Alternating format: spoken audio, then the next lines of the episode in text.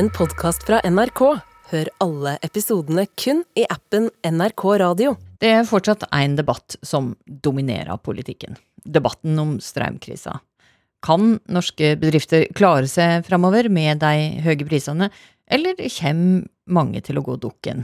Og når eh, næringslivet i andre land får eh, støtte, hvorfor skal ikke norske bedrifter få det da? Dette er noen av spørsmålene som jeg stiller i dagens Politiske kvarter. Så får eh, du vurdere om du får gode nok svar på de.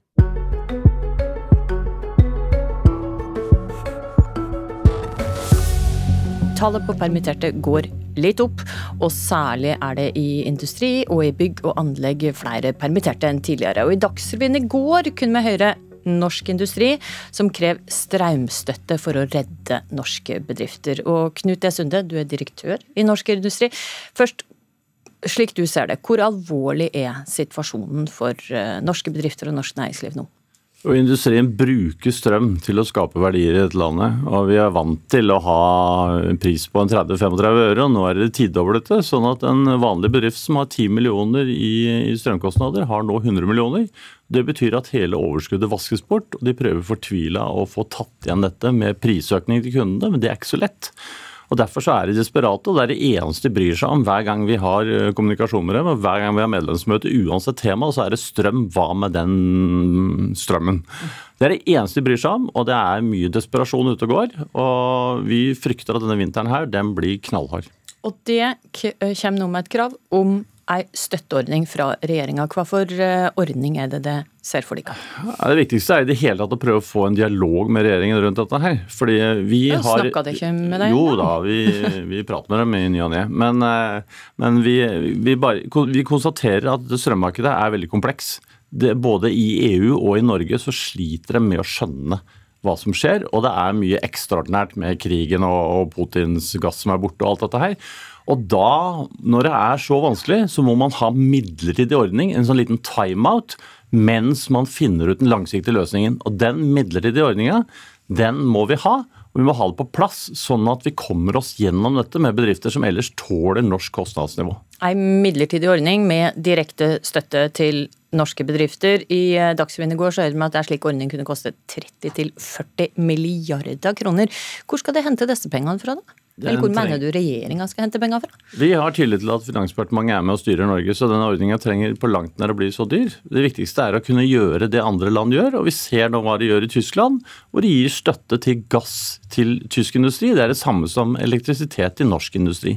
Og Der garanterer de en, en pris på 75 øre for 70% av forbruket de hadde for to år siden. Og resten må de kjøpe i spotmarkedet. og Dermed så fungerer markedet, samtidig som bedriftene har alle incitamenter til å spare på energien sin.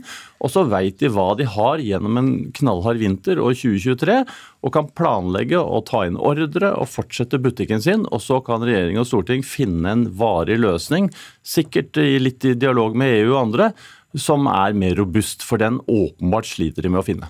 Mm. Halvard Ingebrigtsen, statssekretær i Næringsdepartementet og fra Arbeiderpartiet.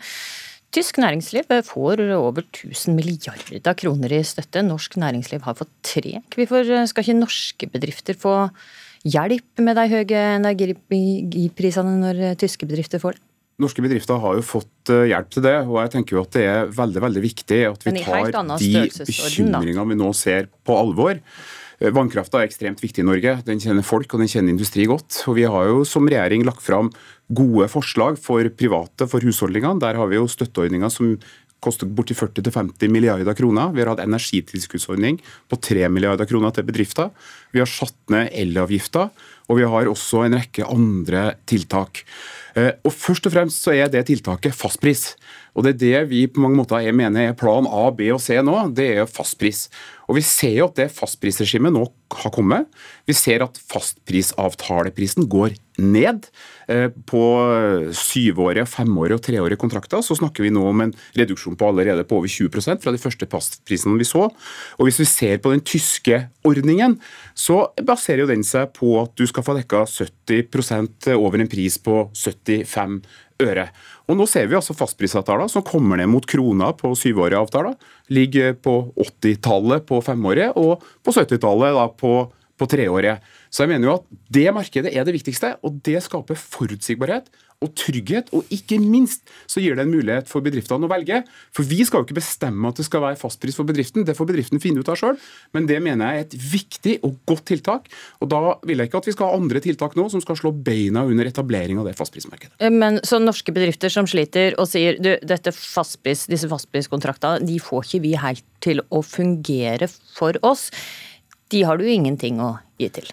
Nei, Vi hadde energitilskuddsordninga med 3 milliarder kroner før jul, og jeg tror det fortsatt er tidlig å slå fast hva som fungerer og ikke fungerer når det gjelder fastpris. Vi ser at de fastprisene går ned. Så ser vi også heldigvis at vi har analytikere som sier at eh, prisen totalt sett kommer til å gå ned i løpet av dette året. Det er også veldig, veldig bra.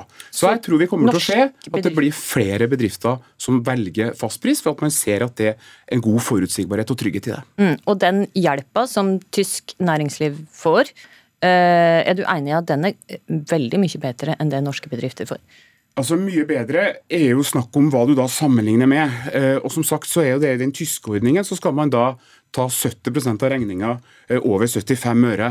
Og Det betyr jo f.eks. at 30 må du da finansiere på spotpris. Så den ordningen der vil jo ikke være noe bedre den i forhold til hvis fastprisavtalene kommer ned i samme nivå. Så da får du det egentlig det samme rammevilkåret. Men det er klart at hvis du legger 30-40 milliarder kroner på bordet, som er anslaget fra norsk industri som det koster, så høres jo det ut som veldig mye penger. Men jeg er mest opptatt av den prisen. Og så må jeg bare si en ting til. At i en situasjon hvor vi har hatt økt rente, hvor vi, inflasjonen har gått opp, så er det altså 30-40 milliarder å putte det inn i økonomien. Det kan ha alvorlige utslag for norske bedrifter, og som kan gjøre at både konkurransesituasjonen blir dårlig, fordi f.eks. For økt rente- og kronekurs gjør at konkurransesituasjonen internasjonalt blir svekka. Sunde, hvordan eh, syns du regjeringa sin plan A, B og C med fastprisavtaler, hvordan syns du den fungerer? Det var spennende da den kom, men det fungerer ikke. Eh, og Det skyldes at i fall innenfor industrien så er det ingen som er interessert i fem eller sju år. Eh, for da er vi forhåpentligvis forbi det verste. Det eneste interesserte er tre år. Der får de tilbud på 1 krone og 10 øre. Men de vanlige bedriftene som produserer fra 8 til 5 mandag til fredag, som må selge billig kraft om kvelden og billig kraft om natta, for dem, det har vi fått høre fra mange av disse bedriftene, så er de 1 krone og 10 øre det er realiteten 1 krone og 60, 1 krone og 70, 1 krone og 80 øre. Når du da regner på hva det koster det du har fått. Og Det tilbudet det er altså så langt over det de er villige til å betale, at det funker ikke. Det er riktignok noen som har gått med på det, men i tillegg så får de ofte dekket et sted mellom 10 og 30 av forbruket sitt. Så da må en vanlig bedrift fly rundt i mange forskjellige tilbudere og sette sammen noe som finner ut etter hvert er et veldig dårlig tilbud. Så der er vi nok litt uenige med departementet. Og så krysser vi jo fingrene, da. Ingebrigtsen, plan A og B og C fungerer ikke. Det er bare om lag 200 bedrifter som har tegna slike avtaler, av flere 10 000. Jeg mener at det er altfor tidlig å slå fast det. Vi ser at prisene på fastpris faktisk går ganske kraftig ned. Det har falt med over 20 siden dette kom i gang. Eh, og vi har sett priser på treårige avtaler lå det fort oppe på 1,50 når det kommer ned 1,10. Så dette går rette veien, og du kan også da få avtaler på fem og sju år hvor det ligger godt under krona. Og Det mener jeg er bra tilbud. Så må hver enkelt bedrift naturligvis velge det sjøl. Vi skal jo ikke bestemme at fastpris er noe en bedrift skal velge, men jeg mener at det er gode tilbud på gang, og det kommer til å utvikle seg mer, og flere og flere tilbyr det. Hvis, Derfor må vi ha is i magen i forhold til det. Hvis resultatet blir slik norsk industri frykta, at flere bedrifter vil gå over ende pga. disse eh, høye prisene, så, så er det noe vi bare må godta. Jeg mener Vi kan ikke konkludere med det i dag. Det er, en, det er en problemstilling som er hypotetisk. Eh, nå får vi konsentrere oss om å få dette markedet ordentlig opp å stå. Fra regjeringas side så har vi lagt til rette for det ved bl.a. skatteendringer for å få det til. Det er hypotetisk problemstilling at bedrifter kommer til å gå over ende, Sunde? Ja, Det er litt trist, for der, der lever vi i to forskjellige verdener. Vi syns det er litt trist at det har gått prestisje i dette. At man satser på ett virkemiddel som vi mener ikke funker, og hvor vi har en helt annen beskrivelse av realiteten i dette enn disse fem og sju år som regjeringsapparatet hele tiden snakker om, og som vi ennå ikke har sett en eneste industribedrift som er interessert i de lengdene. Så Vi har snakket om disse realitetene som jeg tok opp i sted med departementet flere ganger, og de fortsetter å snakke om 7 år og 70 øre. og er, Der lever vi i to forskjellige verdener, og det er trist. og derfor så, Når nå tyskerne gjør så voldsomme grep som de gjør, ganske kontroversielt riktignok, og andre land gjør ganske mange forskjellige grep, så er det ikke noe problem med EU-systemet og EØS som veldig mange sånne folk i Norge prater om. Dette her dreier seg om hva man vil, og så er respekt for bruk av oljepenger, og det er et eget tema. Mm. Ok. Du, Regjeringa skal sette ned et nytt utvalg som skal gi råd om hvordan en kan få ned strømprisene. Og Per Olaf Lundteigen, du er stortingsrepresentant for eh, Senterpartiet. I VG i helga kunne vi lese at du rett og slett syns dette er for dårlig. Hva er det som er feil med dette nye utvalget regjeringa har sett ned? Altså Nå har regjeringa snudd steiner i et år. Løfta på steiner for å se hva som er under det, og lagt dem ned igjen. Så har han arva med å få til fastpriskontrakter, og det blir diskutert her. Så har vi Energikommisjonen. Og vi er jo like langt. Energikommisjonen som altså skal legge fram sitt arbeid 1.2. 1.2. Og vi er i en kritisk situasjon. Det som eh, både Fellesforbundet og Norsk Industri forteller oss, det er jo at eh, her må vi få et annet system, og vi må få en prisnedskriving.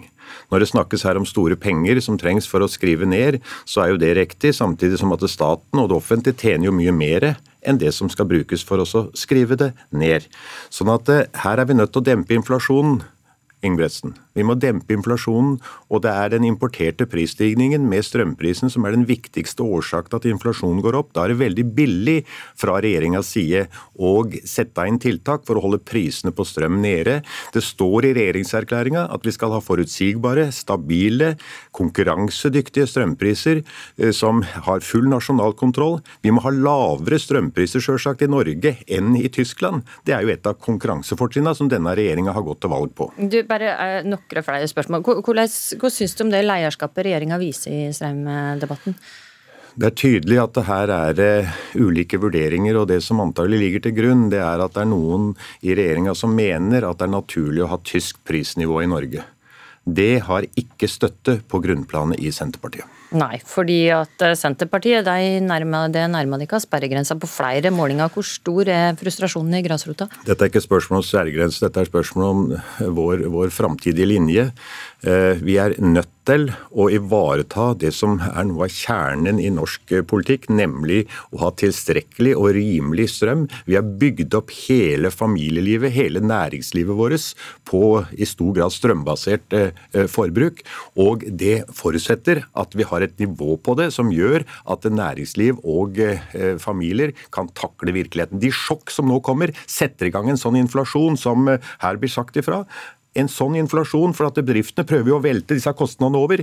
Eh, forbrukerne får økte kostnader, krever mer penger. Vi kommer i en forferdelig negativ spiral. Ok, Da Ingebrigtsen, skal du få lov til å svare på angrepet fra Lundteigen her. Jeg tror først og fremst at det foregår en omfattende debatt både i Arbeiderpartiet og Senterpartiet, fordi at eh, vi deler fullt ut at vannkrafta er viktig, og vi må ta på alvor og bekymringene vi hører om at bedrifter også sliter. Det er ingen hypotetisk problemstilling. Eh, og jeg er helt sikker på at det dette dreier seg om, er jo naturligvis et sterkt ønske om å få ned prisen. Det er et sterkt ønske om å få forutsigbarhet.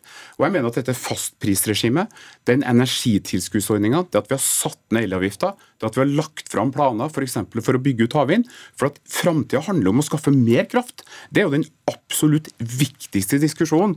Det at vi nå har Ukraina-situasjonen, en energikrise i Europa, har jo drevet prisene opp, skapt stor inflasjon og renteøkninger. Men vi nå handler det om å skaffe mer kraft. i Norge som i Europa. Nå er dette utvalget som eh, også Per Ola Lundteigen og Senterpartiet var med på å gå inn for i Stortinget. Det var jo SV sitt forslag, så både Arbeiderpartiet og Senterpartiet står jo bak det forslaget. Og det handler jo om å nettopp å se på hvilke modeller du skal få prisdannelsen. Energikommisjonens viktigste oppgave er jo bl.a. å se på at vi skal skaffe norsk, nei, god eh, og nok kraft for framtida, fordi at vi skal bl.a. gjennom et grønt skifte som krever mer strøm i Norge. Ok, Lundteigen. Hurdalsplattforma sier at det norske prisnivået på strøm skal være lavere enn det tyske. Det er slått fast i Hurdalsplattforma. Så er vi i den vanskelige situasjonen at de kablene vi nå har til kontinentet, det er eksportkabler istedenfor at det er kraftutvekslingskabler.